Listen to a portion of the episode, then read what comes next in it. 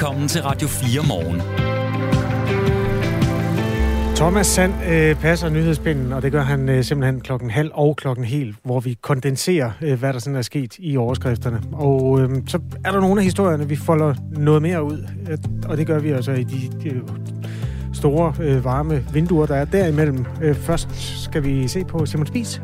Ja, en plads, det, det er en af mange spændende historier, vi øh, har klar til dig her til morgen. Simon Spies plads i Helsingør, det er blevet debatteret længe, om den fortsat skulle hedde Simon Spies plads, men i går blev det afgjort, at det skal den.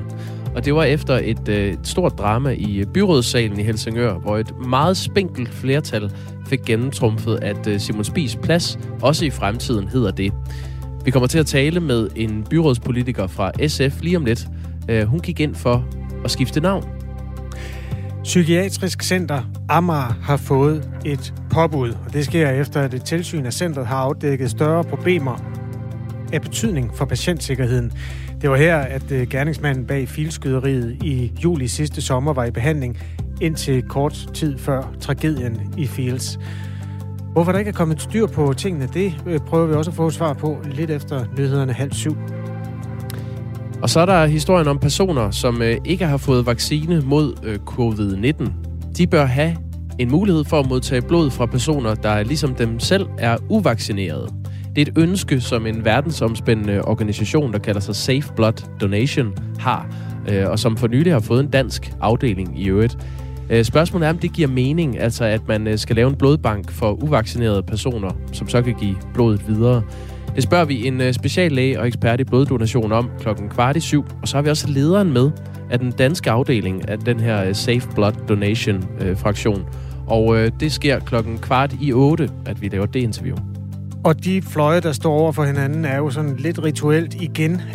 dem, der tror, at der er noget galt med vaccinen, og dem, der øh, gør, hvad de kan for at overbevise os om, at der ikke er noget galt med vaccinen, fordi det viser det, forskningen indtil videre.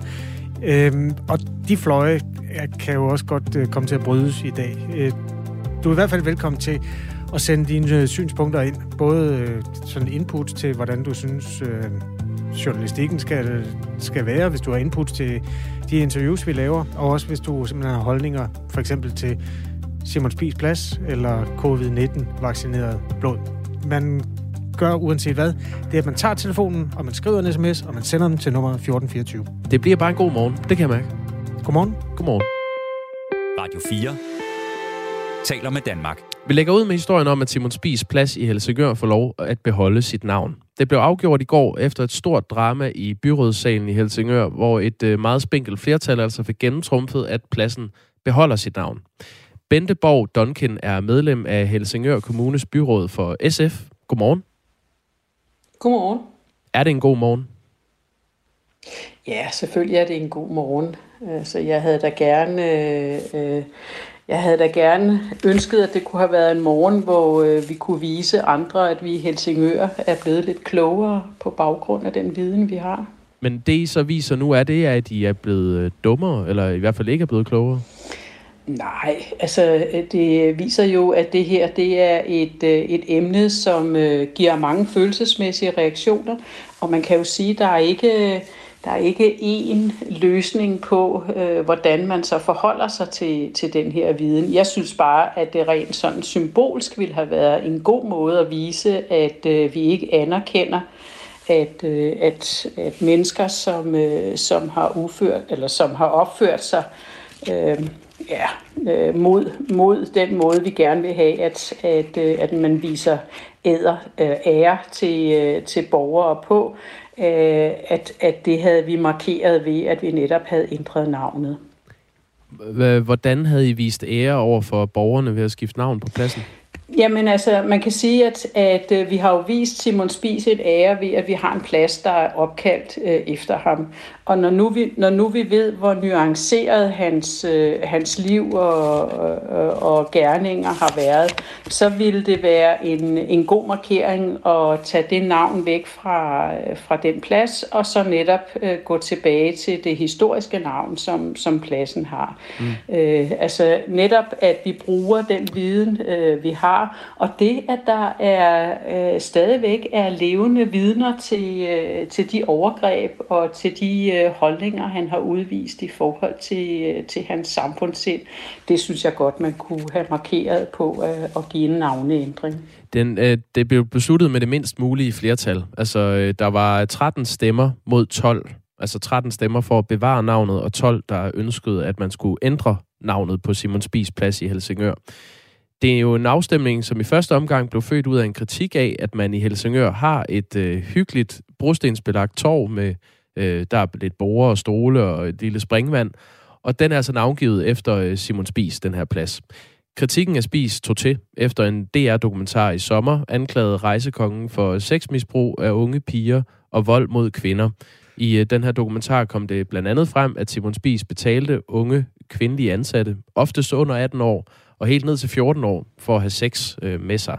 Og han anklages i samme dokumentar for at tilbyde piger øh, pengebeløb for at få lov til at brække armen på dem, eller give dem tæsk med bøjler. Øh, Bendeborg Duncan, medlem af Helsingør Kommunes byråd for, øh, for SF. Jeg ved, at du havde et indtryk af, at der var et flertal for et navneskifte, inden I skulle stemme om det. Øh, hvad, hvad byggede du det, den formodning øh, på? Altså vores lokale avis har været meget aktiv omkring øh, netop at følge op på øh, de følelser og de holdninger, der har været i forbindelse med den her plads. Lidt ligesom mange af andre medier netop fordi det er noget, der optager folk. Og derfor øh, øh, ved jeg, at hver enkelt af os er blevet spurgt, så derfor har det været meget tydeligt i en længere periode, hvilken holdning de enkelte politikere har haft. Øh, de store partier har frisat deres øh, medlemmer til at, at give udtryk for deres personlige holdninger til det. Så derfor var det overraskende, at, øh, at der var en enkelt, som, øh, som sprang fra sin, fra sin holdning. Og det viser jo netop det der med, at at, at det er et meget følelsesmæssigt emne, og at, at, øh, at øh, vi er blevet, øh, kan man sige, kontaktet af mange mennesker, som har en holdning til det. Også, også mennesker og borgere, som ikke, ikke bor i Helsingør Kommune. Og det er jo netop fordi, at, at Simon Spies har haft en, en, en aktiv samfundsplads i vores bevidsthed. Så det er, det er en det er en, en, øh, en, altså en beslutning, som, øh, som trækker trådet meget langt ud over Helsingør. Det er jo noget, I har øh, debatteret længe i Helsingør, det her, siden i sommer, ja. hvor, hvor dokumentaren ja. kom frem. Hvordan var stemningen i byrådssalen efter den her snævre afstemning? Jamen, vi er jo vant til, at, øh, at vi ikke altid er enige, og, øh, og, og det, at det var et, et højspændt øh, emne, øh, det kan vi sagtens håndtere. Så, så, så det er jo ikke sådan, så vi går vrede øh, fra hinanden. Men, øh, men jeg må da indrømme, at jeg undrer mig nogle gange over, hvad det er for nogle stemninger, der gør, at, at, øh, at udfaldet af en sag kan falde enten den ene eller den anden vej. Netop når det er noget, vi har de, øh, øh, diskuteret i øh, Øh, i længere tid. Rent økonomisk øh, er det vel meget godt øh, for Helsingør, at der ikke skal til at investeres i, i nye skilte til pladsen og så videre? Men der er vi nede i småtingsafdelingen. Altså man kan sige, at, at øh, der er jo nogle trends i samfundet i øjeblikket, netop hvor vi markerer, at, øh, at, at øh, de gerninger, som, som offentlige mennesker har, har en betydning i forhold til, hvordan vi forholder os til, til, til deres, deres måde at, at, at være i, i samfundet på. Og derfor tænker jeg også, at, at den lille udgift, der vil være til at skifte, skifte skilte, det tænker jeg, det vil vi nok kunne finde en løsning på. Bendeborg Duncan, øh, du var jo en af dem, der stemte øh, for et navneskift. Øhm, er den her sag ja. slut for dig nu? Ja, det er den. Jeg respekterer øh, demokratiet, og jeg tænker, at, øh, at, at måden, vi taler om pladsen på, kommer også til at influere, øh, øh, kan man sige, fremover. Ikke? Fordi der vil hele tiden være sådan, nå, var det, ikke, øh, var det ikke det, der blev diskuteret, eller var der ikke noget med, at, øh, at, at Simon Spies, han faktisk, øh, selvom han var en stor forretningsmand og gjorde rigtig meget godt for rigtig mange mennesker, var der ikke noget med, at han faktisk ikke var, var, var, havde rent med i polsen i forhold til den måde, han forholdt sig til unge kvinder og udnyttede unge kvinder på. Og det skal ikke lige det som tror en jeg kommer lille... til at leve. Okay, men, men skal det skrives under skiltet? Altså Simon Spies, øh, rejsekonge, forretningsmand, øh, sexmisbruger. det øh, øh, med, med en eller anden tekst, det, det synes jeg er sådan lidt, øh, lidt mærkeligt, fordi hvad er det for en tekst, og hvad er det, det henfører til? Ikke? Altså, øh, jeg Okay. tror, det kommer til at leve i, i øh, bedst i folkemunden. Vi lader det blive i folkemunden, øh, Benteborg Duncan. Tak fordi du var med. Selv tak. Medlem af Helsingør Kommunes byråd for SF. Simon Spies havde jo et lyst sind. Han ville have sat pris på en god debat, som den, der har været i Helsingør. Så glad her var han for 40 år siden. Danmark er altså et af de gladeste lande, man har. Jeg har snart været næsten dem alle sammen, og Danmark er et godt land, og vi er faktisk ikke så deprimeret, som de er så mange andre steder. Så kan vi tilføje det nye navn på pladsen. For enden af Stengade i Helsingør skulle, hvis øh, dem, der hvad skal man sige, var klar på at cancele Simon Spies øh, navnet, øh, havde fået deres vilje, så skulle det have været Svingelport. Det var nemlig det navn, som stedet havde i de mange år før Simon Spies plads blev opfundet. Og den blev opfundet i 1993, i øvrigt efter klækkelig støtte fra Simon Spies Fonden. Sådan skulle det altså ikke gå. Du hører Radio 4 morgen, og klokken er øh, 16 minutter over 6. Vi gjorde det! Missionen på Radio 4 er taleradio, der handler. Vi kan godt lide at gøre noget. Ja! Yeah. Ikke, ikke bare tale. Fra mandag til torsdag kaster Amalie Bremer og Tony Scott sig over en ny mission. Vi to taler jo meget. Mm-hmm. Og så har vi en handlende kraft, Ja, ja. Nå, men sådan har vi fordelt det. som er reporter Rasmus. Når det rigtig bliver svært, så siger vi, og nu stiller vi over til dig, Rasmus. det skal du gøre. Lyt til missionen mandag til torsdag fra 15 til 17. Radio 4 taler med Danmark.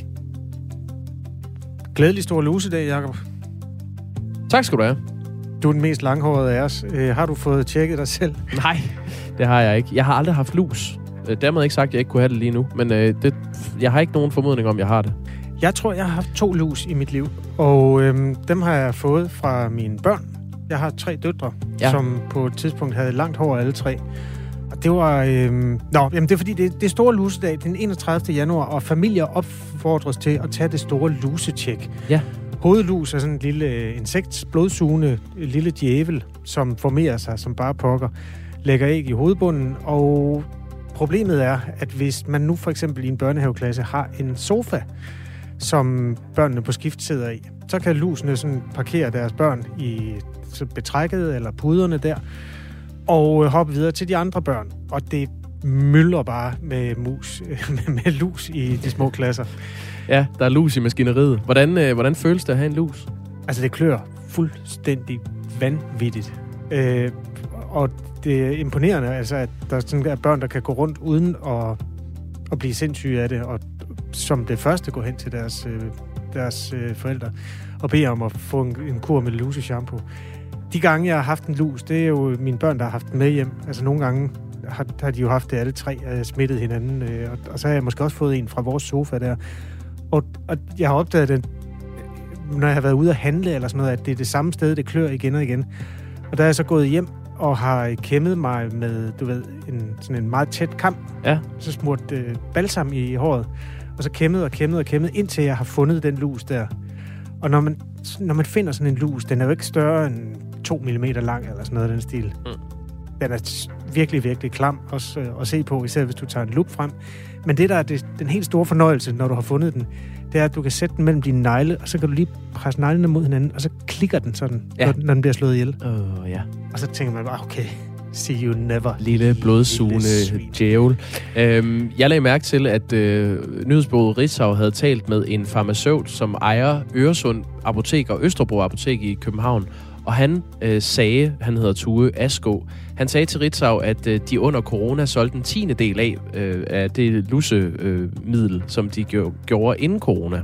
Så coronanedlukningen har haft en positiv indvirkning på øh, antallet af lus i Danmark. Men nu er det altså tilbage. Ja. Stor lusedag er 31. januar. Få kæmmet dine små. Men der er en mulighed for, at vi kan få en biolog med i dag, der hedder Alice, øh, som initiativtager øh, til store lusedag.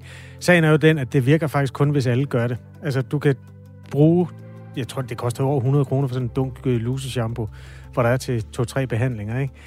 Og øh, den kan du så køre på, du har to børn. Ja. Du kan fræse dem igennem, og så sende dem hen i skolen, og så er der en der ikke fik, viser samfundssind. Ja, eller som bare fik uh, fjernet sin lus for 14 dage siden, og som har fået nogle nye. Og det er derfor, det er rigtig smart, at man fjerner dem samtidig. Uha.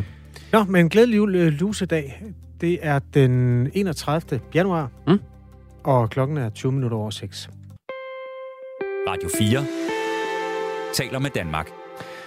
Over 26.000 danskere mener, at folkepensionen skal reguleres. Og lurer mig, om ikke der kommer endnu flere til, for det her det er et borgerforslag, som bliver offentliggjort fredag morgen, og som allerede er halvvejs i mål i forhold til de 50.000, der skal til for at få politikerne til at kigge på forslaget. Det er faglige seniorer, organisationen, som øh, står bag det her borgerforslag. Og der er Mette Kindberg, landsformand. Godmorgen. Godmorgen. I vil sikre, at folkepensionen og de øvrige pensioner det er så førtidspension, seniorpension, arnepension, kommer i takt med den aktuelle lønudvikling. Øh, hvor stort et problem er det efter jeres mening, at den ikke er det?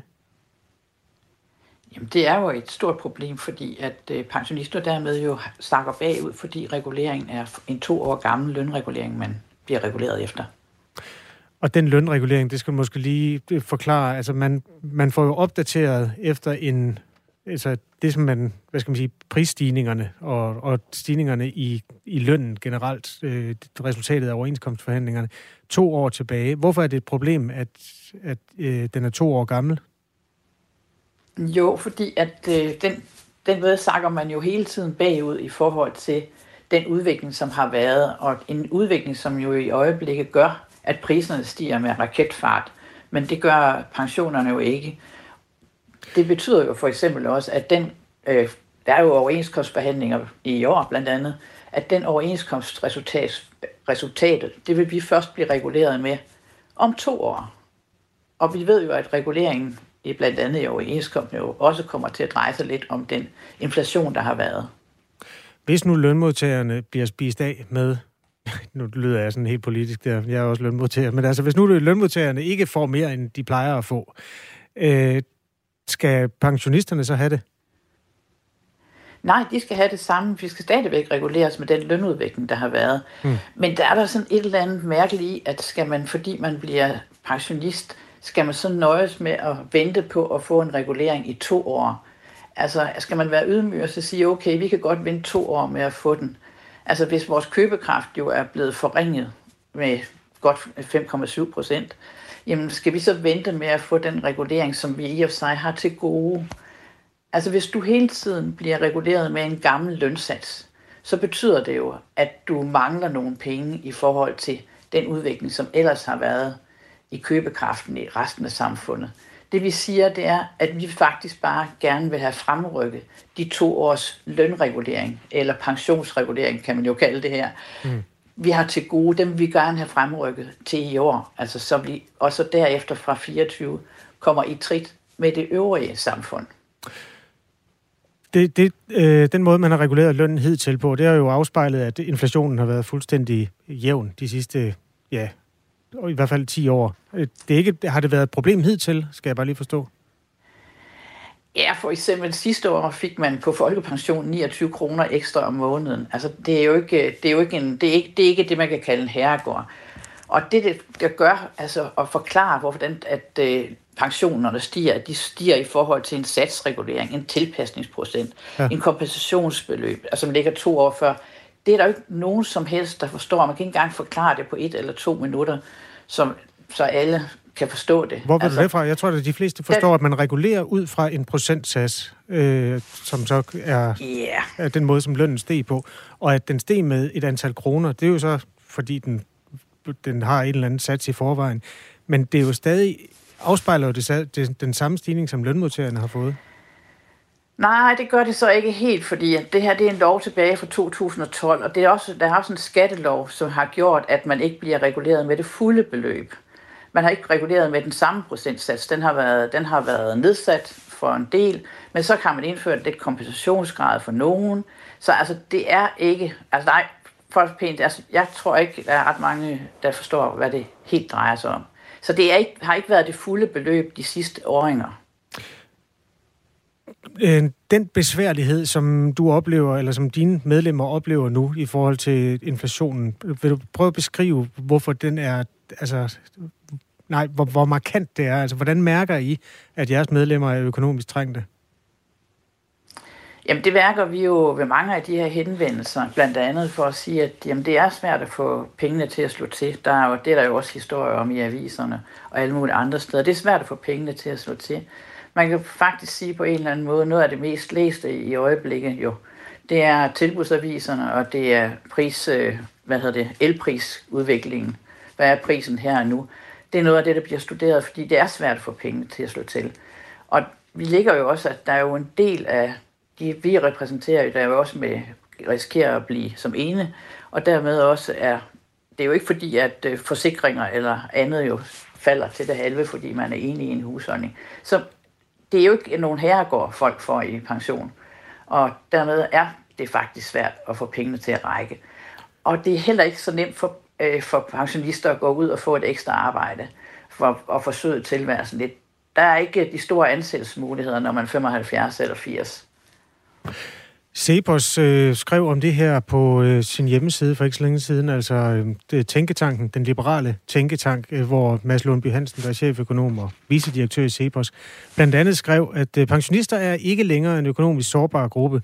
Ifølge Finansministeriets øh, familietypemodel vil en enlig folkepensionist i lejebolig månedligt få udbetalt 14.400 kroner i offentlige ydelser efter skat. Øhm, og der taler om pensionister for ældre tjek, og som ikke har nogen privat opsparing. Øhm, det er tæt på den disponible indkomst på 16.100 for en lavt lønsarbejder. Øhm, er, er, du, er du sikker på, at det er meget lavt, øh, hvis man ser det på den, ja. i, i den optik? Ja, det er, fordi du er lidt, øh, det, er, det der er sådan lidt ærgerligt, det er fordi, der er taget udgangspunkt i en, det, han kalder en modelfamilie 160. Og det betyder, at hvis vi nu siger, at der er en kommer, der er godt en, godt en million folkepensionister i Danmark. Han siger, at det er enlige, og han siger, at de får den fulde ældrecheck. Hvis man er ud af den 1,1 million, eller knap 1,1 million den, øh, folkepensionister, som er, der er der altså faktisk kun 250.000, der modtager den fulde ældrecheck. Det er kun, altså, så det, det bliver sådan lidt synonymt for alle. Det er dem, der får 14.400. Kun... Hvad får de andre så? Ja. Altså dem, der, som du Jamen, der er betragter nogen, der er som nogen, der overhovedet, der er, der er for eksempel kun 290.000 af dem, der får en ældrecheck. Resten, de får ingen ældrecheck. Så er der nogen, der får folkepension. Altså alle, stort set alle får folkepensions grundbeløb, mm. som er på 6.700 kroner i år. Så er der nogen, der modtager et øh, pensionstillæg, men det er ikke engang, det er lige godt halvdelen, der modtager et øh, pensionstillæg. Så altså, den modelfamilie, eller den modelperson, han har fundet frem til, det er, det er 10 procent af af folkepensionisterne, der, okay. der tilhører den. Og så kan man sige, det der er problemet ved i det her, det er jo, at uh, vi kender jo både en Robert, som blev synonymet for, hvordan det var at være ledig. Det her, det bliver synonymet for, hvordan alle folkepensionister har det. Og i hvert fald nogen, der får 14.400 kroner, kan vi så slå fast. Og det, det er cirka 10 procent. Så er der nogen, der får måske, mindre. Ja, måske 10 procent, ja. ja. Ja, det ja. er vi så enige om. Ja. Øh, det her borgerforslag har her til morgen øh, fået, eller rundet 26.481 øh, underskrifter. Hvis I får opdateret pensionen, hvor meget vil det ændre situationen for pensionisterne? Jamen det ændrer det jo ikke meget, fordi det er jo ikke, det er jo ikke, det er jo ikke, det er jo ikke hverken 20 eller 30 procent, vi snakker om. Vi snakker om de her knap 6 procent, vi eventuelt kan, kan, kan lægge på. Så det er jo ikke noget, der, det er jo ikke noget, der er en herregård. Men det er jo også noget med at gøre, at det, det bliver samtidigt at det bliver nemt at forklare, og det er noget med, hvorfor skal folkepensionister, hvorfor skal pensionister sakke bagud i forhold til deres regulering i forhold til det øvrige samfund. Sådan lød det altså fra Mette Kindberg, tak skal du have, landsformand for organisationen Faglige Seniorer, som står bag det borgerforslag, som man kan finde på hjemmesiden borgerforslag.dk. Om øh, et kvarters tid har vi et interview øh, som øh, går på historien om en verdensomspændende organisation, der kalder sig Safe Blood Donation. Det er en øh, organisation, som arbejder for, at personer, der ikke har fået vaccine mod covid-19, bør have muligheden for at modtage blod fra personer, der ligesom dem selv er uvaccinerede. Så det er en uvaccineret blodbank, de vil lave. Ja, og de vil sådan ikke drive den selv, men de vil i hvert fald have mulighed for at søge det, man kalder en egnet donor. De har allerede lavet sådan en database over bloddonorer. Vi skal kaste lys over det her, også hvilke øh, problemer der kan være med at indføre sådan særskilte bloddonationssystemer rundt omkring i samfundet. Mm. Det bliver lidt senere her i programmet. Nu skal vi have nogle nyheder med Thomas Sand. Nu er der nyheder på Radio 4. For femte år i træk topper Danmark den globale antikorruptionsorganisation Transparency Internationals opgørelse over niveauet af korruption i den offentlige sektor i en lang række lande. Landene tildeles point på en skala fra 0 til 100. Jo højere tal, jo bedre. Danmark har denne gang fået en score på 90. Sidste år var den på 88. Det synes jeg er enormt glædeligt. Og det, der jeg synes, der gør, at det er glædeligt, det er, at øh, de punkter, hvor vi øh, går en lille smule frem, det er på sådan nogle helt kernede øh, ting, som at udlandet opfatter, at når man skal drive forretning i Danmark, ja, så skal man ikke have, hvad det hedder, have penge op af lommen til bestikkelse, øh, men at man øh, har et godt og sundt øh, forretningsmiljø i Danmark. Det synes jeg er glædeligt. Det siger Jesper Olsen, der er formand for Transparency International Danmark. De enkelte landes score bliver sat sammen på baggrund af en række forskellige kilder fra en række forskellige lande. Ingen danske besvarelser eller bedømmelser indgår i Danmarks score. Selvom den er høj, kan man ikke konkludere, at der ikke er ret meget korruption i Danmark, påpeger Jesper Olsen. Der er mange, der tror, at vores øh, indeks er, at det fortæller, at der ikke er korruption i Danmark. Der er også korruption i Danmark. Det, som det her indeks fortæller noget om, det er, øh, hvordan opfattes det, og hvad er det for en oplevelse, udlandet har af, når man samarbejder med danske myndigheder og med danske embedsmænd. I den krigshærvede ukrainske by Mykolaiv står tusindvis af indbyggere uden varme, og udenfor kan temperaturen komme ned på minus 15 grader. Danmark har påtaget sig en ledende rolle i genopbygningen af byen og blandt andet valgt at finansiere nogle mobile varmegeneratorer, som kan kobles til en bygning og lave varmt vand til bygningens radiatorer. I dag har vi øh, for eksempel mødtes med øh, borgmesteren i øh, øh, Vi har mødtes med hospitalsadministratoren på et af de hospitaler, som, som får varme fra de her mobile boilers. Vi har mødtes med nogle af de studerende på den sygeplejeskole, som også får varme. Og så har vi mødtes med nogle af de, de regionale myndigheder, og så i morgen skal vi mødes med øh, nogle af, af lægerne på øh, et andet af de øh, hospitaler, som også bliver, bliver, bliver opvarmet øh, af, af de her mobile boilers.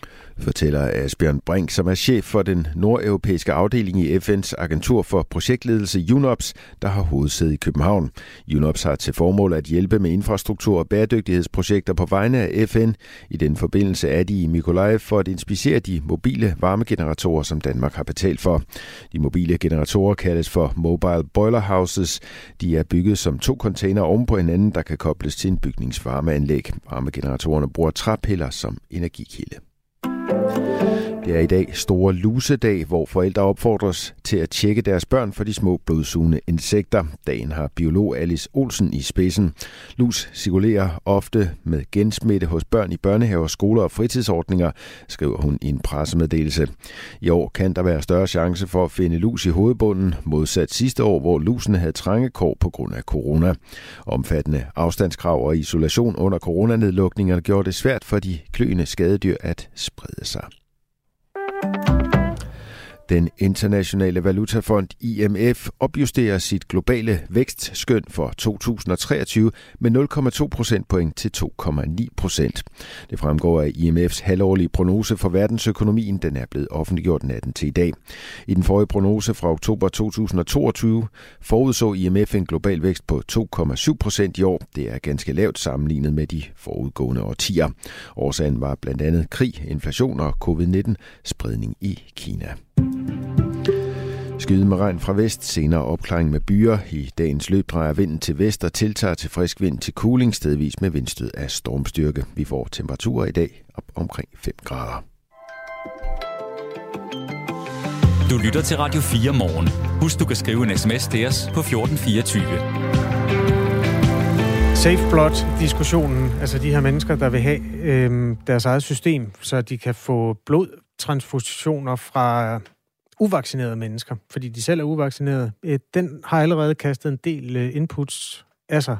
Er der noget, du synes, vi skal starte med? Selvom altså interviewet, det er angående, det er først om kvarters tid. Ja, og det er med øh, en speciallæge klinisk immunologi og afdelingslæge på klinisk immunologisk afdeling på Odense Universitetshospital. Hun, øh, hun hedder Mie Topholm Brun, og hun ved noget om, om det giver mening, det her ønske. Og så kommer vi også til at tale med øh, en leder af den danske fraktion af den her Safe Blood Donation organisation, som altså ønsker sådan en øh, afdeling. Godt. Ina fra Valby har skrevet. Jeg er ikke vaccineret mod covid-19 og har aldrig haft sygdommen. Jeg nægter også, selv om min blodtype er sjælden, at modtage blod fra andre covid-19-patienter. Ligesom jeg ikke må give blod som tidligere kræftpatient, skriver Ina. Lasse skriver, utroligt. Jeg erindrer ikke, at jeg gennemgik en blodtransfusion, da jeg fik stikket. I øvrigt får man det jo ikke skudt ind i blodbanen. De konspirationsnaive mennesker må da småkede sig. I øvrigt skulle blodet være inficeret, så kan det måske trøste skeptikerne, at der dannes cirka 2 millioner nye røde blodlegemer i kroppen hvert sekund, og gamle udskiftes løbende. I øvrigt undersøges alle øh, bloddonorer for medicinrester osv. Og hvis du dagligt tager medicin eller skyder coronavaccine eller andet ind i kroppen, ja, så kan du ikke blive øh, bloddonor. Så rolig nu. Hilsen Lasse.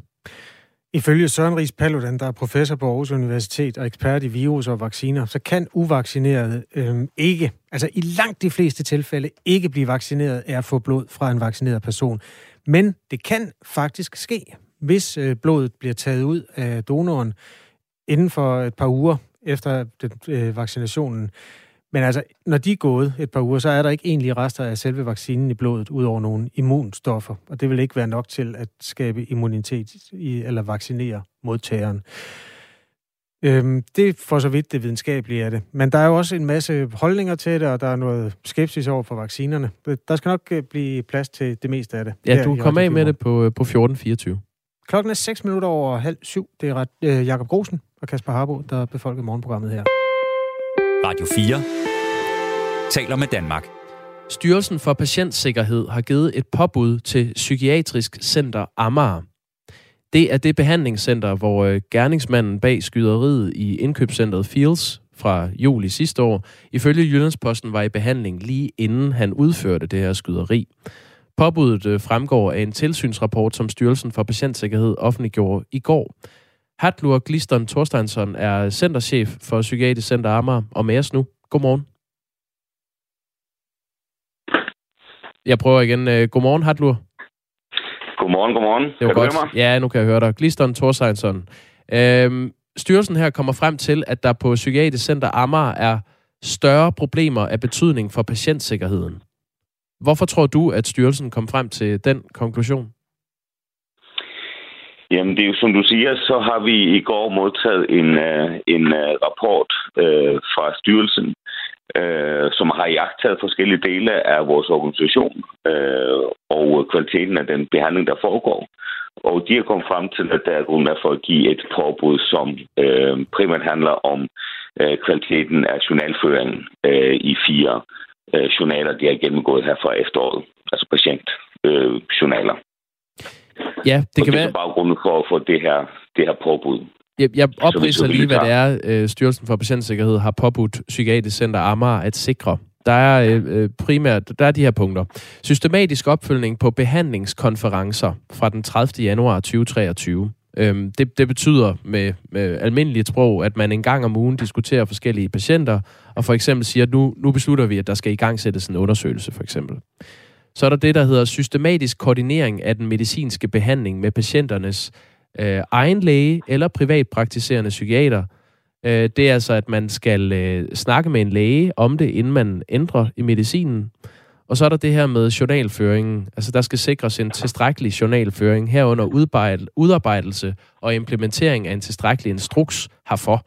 Altså, at man skal journalføre, øh, dokumentere med andre ord nok. Påbuddet her kan ophæves, når Styrelsen øh, for Patientsikkerhed ved et nyt tilsynsbesøg har konstateret, at, øh, at I har øh, efterlevet påbuddet. Hatlur Gliston Thorsteinsson, hvilke konsekvenser medfører de her mangler ifølge dig? Hvad, hvad betyder det for de, de indlagte? Altså starte med at sige, at alle tre områder er jo helt øh, basale områder, som vi hver dag arbejder med.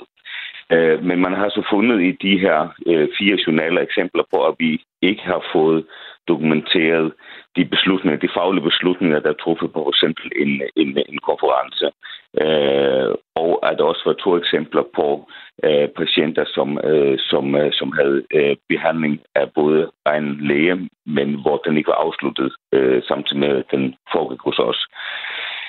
Øh, det er vigtigt at pointere, at der ikke er fundet fejl i selve behandlingen, men det er jo en risiko for fejl, hvis man ikke får dokumenteret øh, de, øh, de her øh, centrale ting. Altså risiko for, at der kan opstå fejl fremadrettet i patientforløb. Mm. Øh, vi tager øh, kritikken af vores, og vi har fået øh, tilrettelagt et, øh, et øh, større undervisningsforløb for øh, alle ansatte, øh, der arbejder på de enheder, hvor tilsynet har været øh, og der blev fyldt op med, øh, med øh, gennemgang af journaler øh, fremadrettet.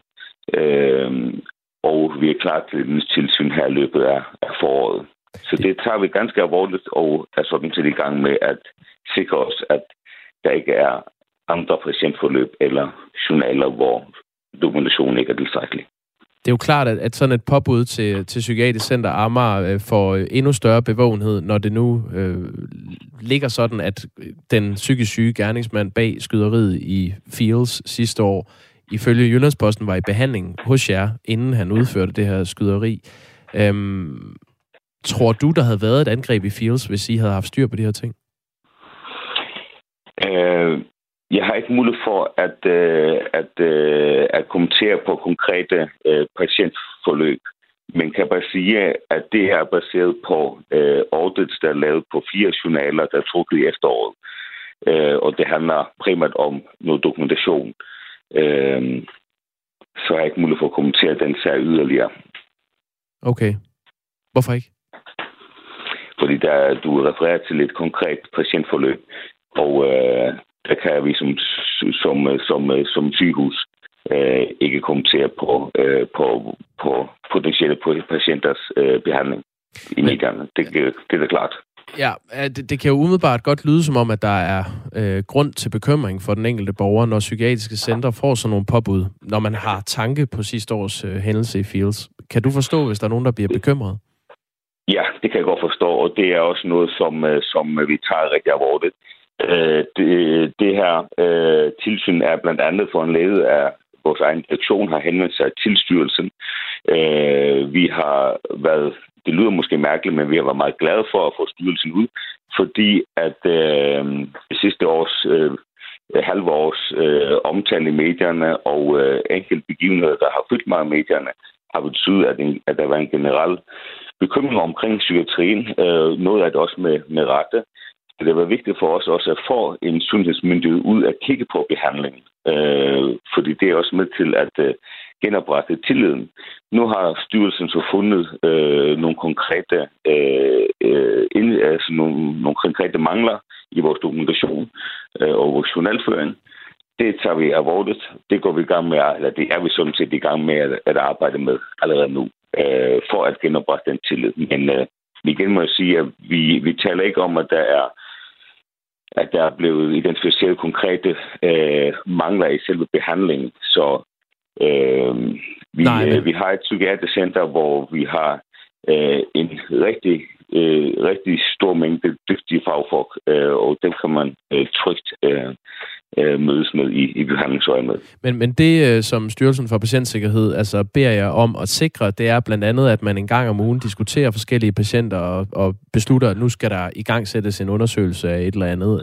Øh, derudover, at man skal... Og, og, og det, det, kan, det kan jeg forsikre at det sker hver evig eneste dag. Og det vil styrelsen også, og det har styrelsen også kvitteret for til de møder, vi har haft med dem. Der er blevet lavet interviews med Øh, med, øh, med øh, omkring 10-12 medarbejdere, og konklusionen er, at de ved alle sammen, hvor man skal tage hvilke drøftelser op.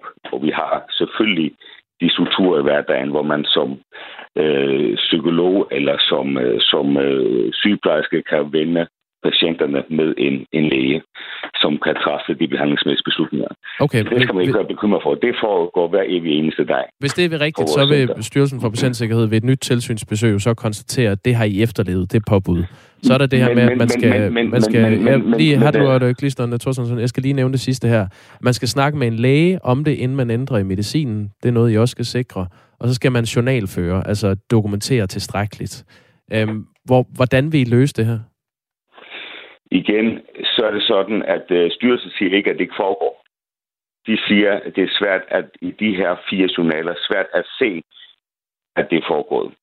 Øh, og sådan er det også med øh, det eksempel, hvor, øh, hvor man øh, i journalen, det du refererer til, ikke kan, øh, kan se, at en ændring i medicin er konfereret med en læge.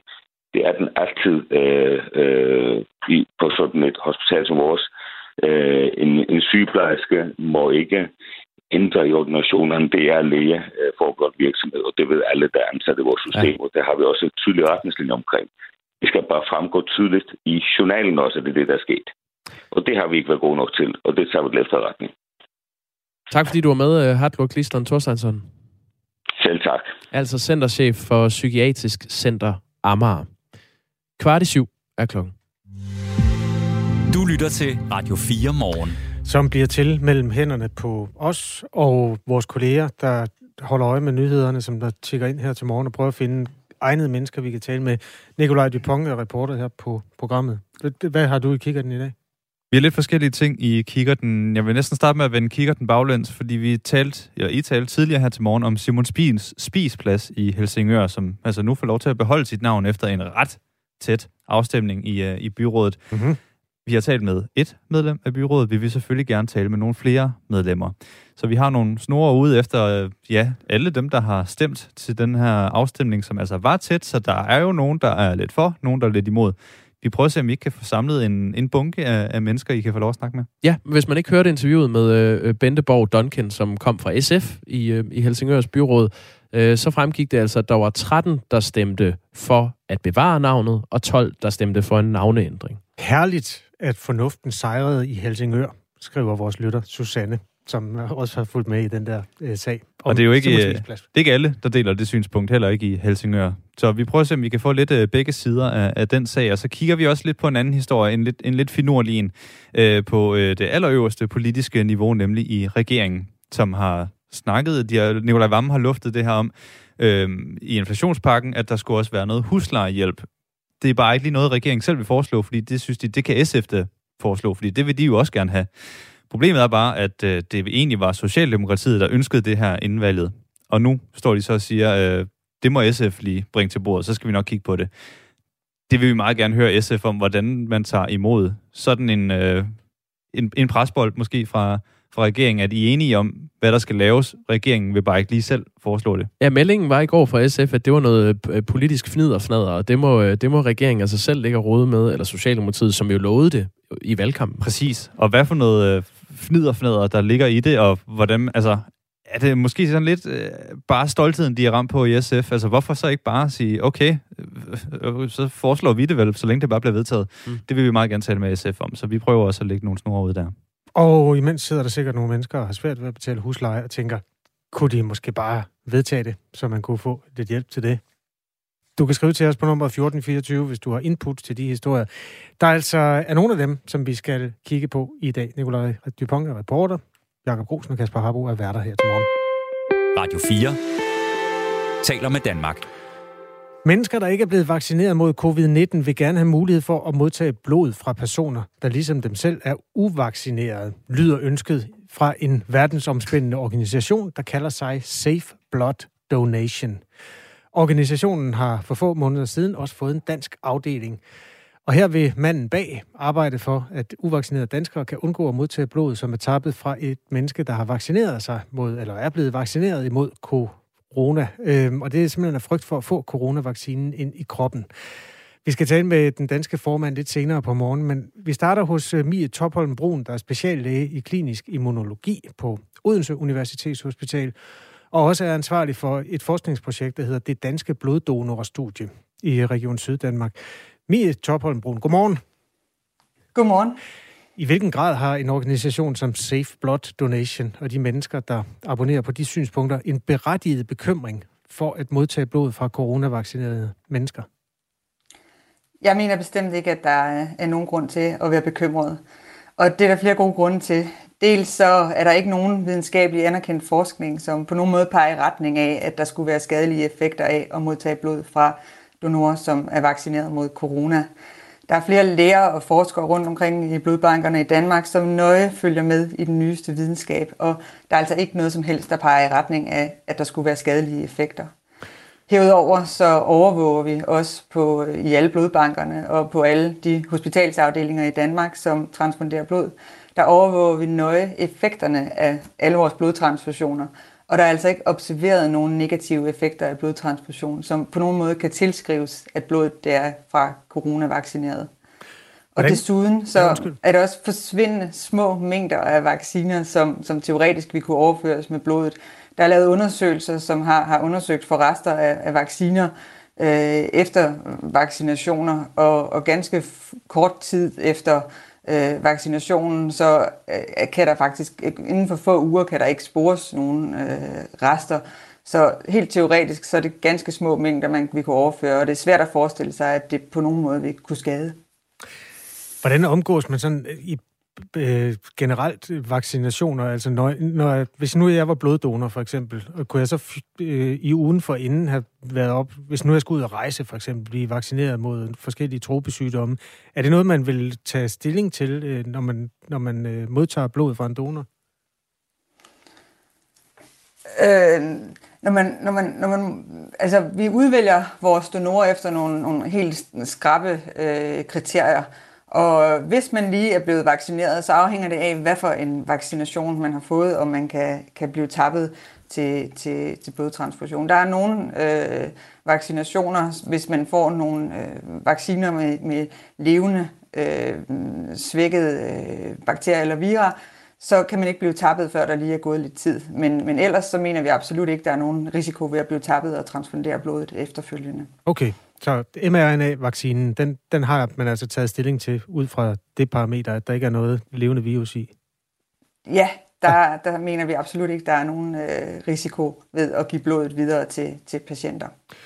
Organisationen Safe Blood Donation er ifølge sin hjemmeside til stede i Europa, USA, Kanada, Australien, Asien og Afrika, og har for få måneder siden også fået en dansk afdeling. Men øh, bag den danske afdeling hedder Fabrice Knecht, og ham skal vi tale med om en times tid. Organisationen vil gerne lave medicinske partnerskaber med hospitaler og blodbanker, sådan at patienter vil kunne få mulighed for at modtage blod fra uvaccinerede mennesker. Safe Blood Donation vil nemlig forbinde uvaccinerede bloddonorer med andre renblodede. Øhm, er det muligt egentlig? Altså sådan på den måde, som vi disponerer over blodbankerne i Danmark i dag? Nej, det vil ikke være muligt at lave en blodbank med blod fra ikke-vaccinerede øh, donorer i Danmark. Og det vil ikke af flere årsager. Dels så er produktionen af blodkomponenter i Danmark, den er underlagt øh, blodforsyningsloven, som er en lovgivning, som har meget strenge krav om kvalitetssikring af blodkomponenter. Og for at sikre, at man opretholder de her meget høje standarder for vores blodkomponenter, så er det specificeret i den danske lovgivning, at det kun er blodbanker, som er tilknyttet det offentlige sygehusvæsen, som må tage blod til transfusionsbehandling i Danmark. Så det vil ikke være muligt at gøre i Danmark. Øhm, vil man kunne lave noget privat, eller er det, er det så... Øh, det, nu står der meget tydeligt i deres formålsparagraf. Deres hovedformål er ikke at drive sin egen blodbank. Men vil man kunne gøre det sådan teoretisk? Lave sin egen blodbank? Nej, det er det, jeg prøvede at sige lige før. Okay. At, øh, det, det er der helt lukket for i den danske lovgivning, og det vil være uforsvarligt rent øh, kvalitetsmæssigt at lave sådan et setup i, øh, i Danmark. Øh, og det er ikke fordi, det ikke er muligt at, at udvælge blod fra, fra, fra bestemte donorer til bestemte patienter. Det gør vi rask væk i blodbankerne i Danmark. Øh, vi udvælger øh, stort set altid øh, det blod, som passer bedst til den enkelte patient, ud fra de kriterier, som vi ved har en betydning. Og det er sådan noget som øh, blodtyper, nogle gange vævstyper eller alder på blodet så gør vi et stort nummer ud af altid at, at teste blodet, så vi er sikre på, at vi ikke overfører virus øh, som HIV eller leverbetændelse. Derudover, som jeg også nævnte tidligere, så udvælger vi vores donorer ud fra nogle helt veldefinerede kriterier, så vi undgår, at donorerne de fejler noget, der vi øh, teoretisk vi kunne overføre til blodet. Så, så vi er meget, meget omhyggelige, når vi udvælger vores øh, donorer, og, og også hvilke patienter vi giver blodet til. Men altså, vi udvælger jo kun blod ud fra de kriterier, hvor vi har en begrundet viden om, eller, eller en tro på, at, at det er bedre for patienterne. Og sådan er det altså ikke med blod fra de her coronavaccinerede eller andre vaccinerede for den sags skyld, der er vi meget sikre på, at det blod, øh, øh vi giver, ikke udgør en øget risiko for patienterne. På verdensplan er det cirka 70 procent, altså 7 ud af 10 mennesker her i verden, har fået mindst en dosis coronavaccine. Her i Danmark er det lidt over 80 procent, der har fået mindst en, og det betyder jo så også, at øh, knap hver femte er uvaccineret her i Danmark. Søren Ries Paludan, der er professor på Aarhus Universitet, øh, siger, at det kan teoretisk godt lade sig gøre faktisk at overføre øh, en vaccine via øh, blod, men det kræver, at donoren er vaccineret inden for et par uger, og blodet så bliver taget ud der. Efter det vil der ikke længere være egentlig rester af vaccinen i blodet, ud over nogle immunstoffer. Og det vil altså ikke være nok til, at man giver noget vaccine videre. Øhm, Mia Topholm Brun er altså speciallæge i klinisk immunologi, og altså, hvis nu det her det viser sig at være et meget stort ønske, det er trods alt også hver femte, der er, der er uvaccineret her i Danmark, men hvor stort et problem vil det så være at, at lave sådan en, et særligt system, hvor man sørger for, at de uvaccinerede kan give blod til hinanden? Jamen, hvis det viste sig, at der var øh, videnskabeligt dokumenteret, at, at, at, at, at det udgør en, en øget risiko, så ville det teoretisk set godt kunne lade sig gøre. Men, men som det ser ud nu, så har vi altså de her strenge kvalitetskrav, som gør, at patienterne ikke bare selv kan vælge deres donor. Det vil være, øh, så vil det være meget, meget svært øh, for os at opretholde den høje kvalitet, vi har i blodbankerne på nuværende tidspunkt. Tak fordi du vil være med her til morgen. Velbekomme. Tak fordi jeg måtte være med. Øhm, Mie Topholm Brun er altså også ansvarlig for det forskningsprojekt, der hedder det Danske Bloddonorstudie, som hører til i Region Syddan, øh, Syddanmark. Senere på morgen skal vi tale med teamlederen af den danske afdeling af Safe Blood Donations, som arbejder for at gøre det muligt, at man som modtager af blod kan få indflydelse på, om man får det fra en vaccineret eller uvaccineret. Der, der kommer en del uh, sms'er lad, på, lad på den her historie. Ja. Uh, Helle skriver, uh, jeg er ikke konspirationssølhat. Jeg er ikke coronavaccineret og kunne heller ikke drømme om det. Derimod undlader jeg at indtage den kost, der svækker immunforsvaret, og har heller ikke været smittet med noget, og behøver heller ikke at beskytte mig mod det. Jeg ønsker ikke at forurene min krop med coronavaccinerne, og ønsker derfor heller ikke blod for vaccineret, så fremt et uheld skulle være ude. En anden skriver, det er lovligt at have klimaangst. Hvorfor ikke vaccineangst? Hvorfor skal vi ikke modtage den samme respekt, som folk, der har fået jabbet, modtager? Vi har alle truffet et valg over for vores krop og liv. Så lad os få blod fra, øh, hvor vi vil. Øh, det er et demokrati, der dækker over frihed til personlige valg og forskellige holdninger og meninger, står der i det her øh, synspunkt, som er kommet ind på 1424. En øh, lytter, der underskriver sig S, skriver, en af mine gode venner i midt 30-årsalderen er så bange for vaccinen, at han har gennemgået et stort lægetjek, efter han har dyrket ubeskyttet sex med en vaccineret kvinde. Det er måske lige i overkanten. Jeg selv bukkede under for gruppepresset i år 2021 og fik to stik. Dette har jeg som mange andre fortrudt inderligt. Har aldrig været mere syg, end efter jeg blev stukket. Der er jo indberettet omkring øh, 70.000 formodede bivirkninger, eller der er kommet 70.000 indberetninger af formodede bivirkninger efter vaccine. Øh, der er registreret tre dødsfald relateret til vaccinerne her i Danmark. Øh, det var i forhold til øhm, AstraZeneca-vaccinen, som ikke bruges mere. Der er ud af de 70.000 jo øh, fra let hovedpine og så til sådan mere alvorlige bivirkninger. Der er jo også nogle deciderede vaccineskader, som er bogført.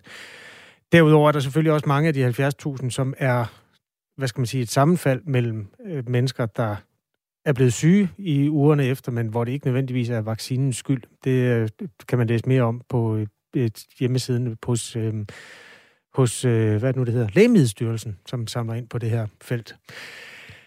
Øhm, der er virkelig mange holdninger til vaccinen, og det, det, som nu bliver efterspurgt, er jo sådan en logistisk løsning, som skal tage hånd om det faktum, at de mennesker, der ikke stolede på vaccinen før, de gør det heller ikke nu. Og det er jo altså stadig de to fløje, der står over for hinanden i vores øh, sms-boks her. Mikkel skriver, det næste bliver vel, at man øh, kan kræve kun at få blod fra folk med samme religion, stjernetegn, vægt eller uddannelse som en selv.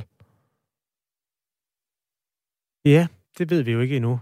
Øhm, som Blood skriver en anden, vil jeg nægte at modtage blod fra en, der har fået vacciner, og så skal det måske nævnes, at forskningen...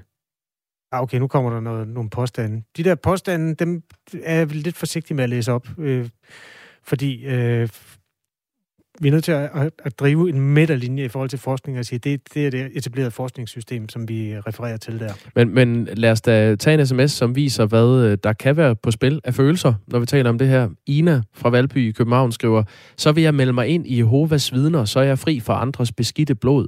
Jeg vil hellere dø, end have andres blod. Jamen det... Det er da at tage den til den yderste konsekvens, Ina. Der er valgfrihed på, på alle hylder. Skal vi lige deklarere, om vi er vaccineret? Jeg er. Jeg også. Det her er Radio 4 morgen, og klokken er syv.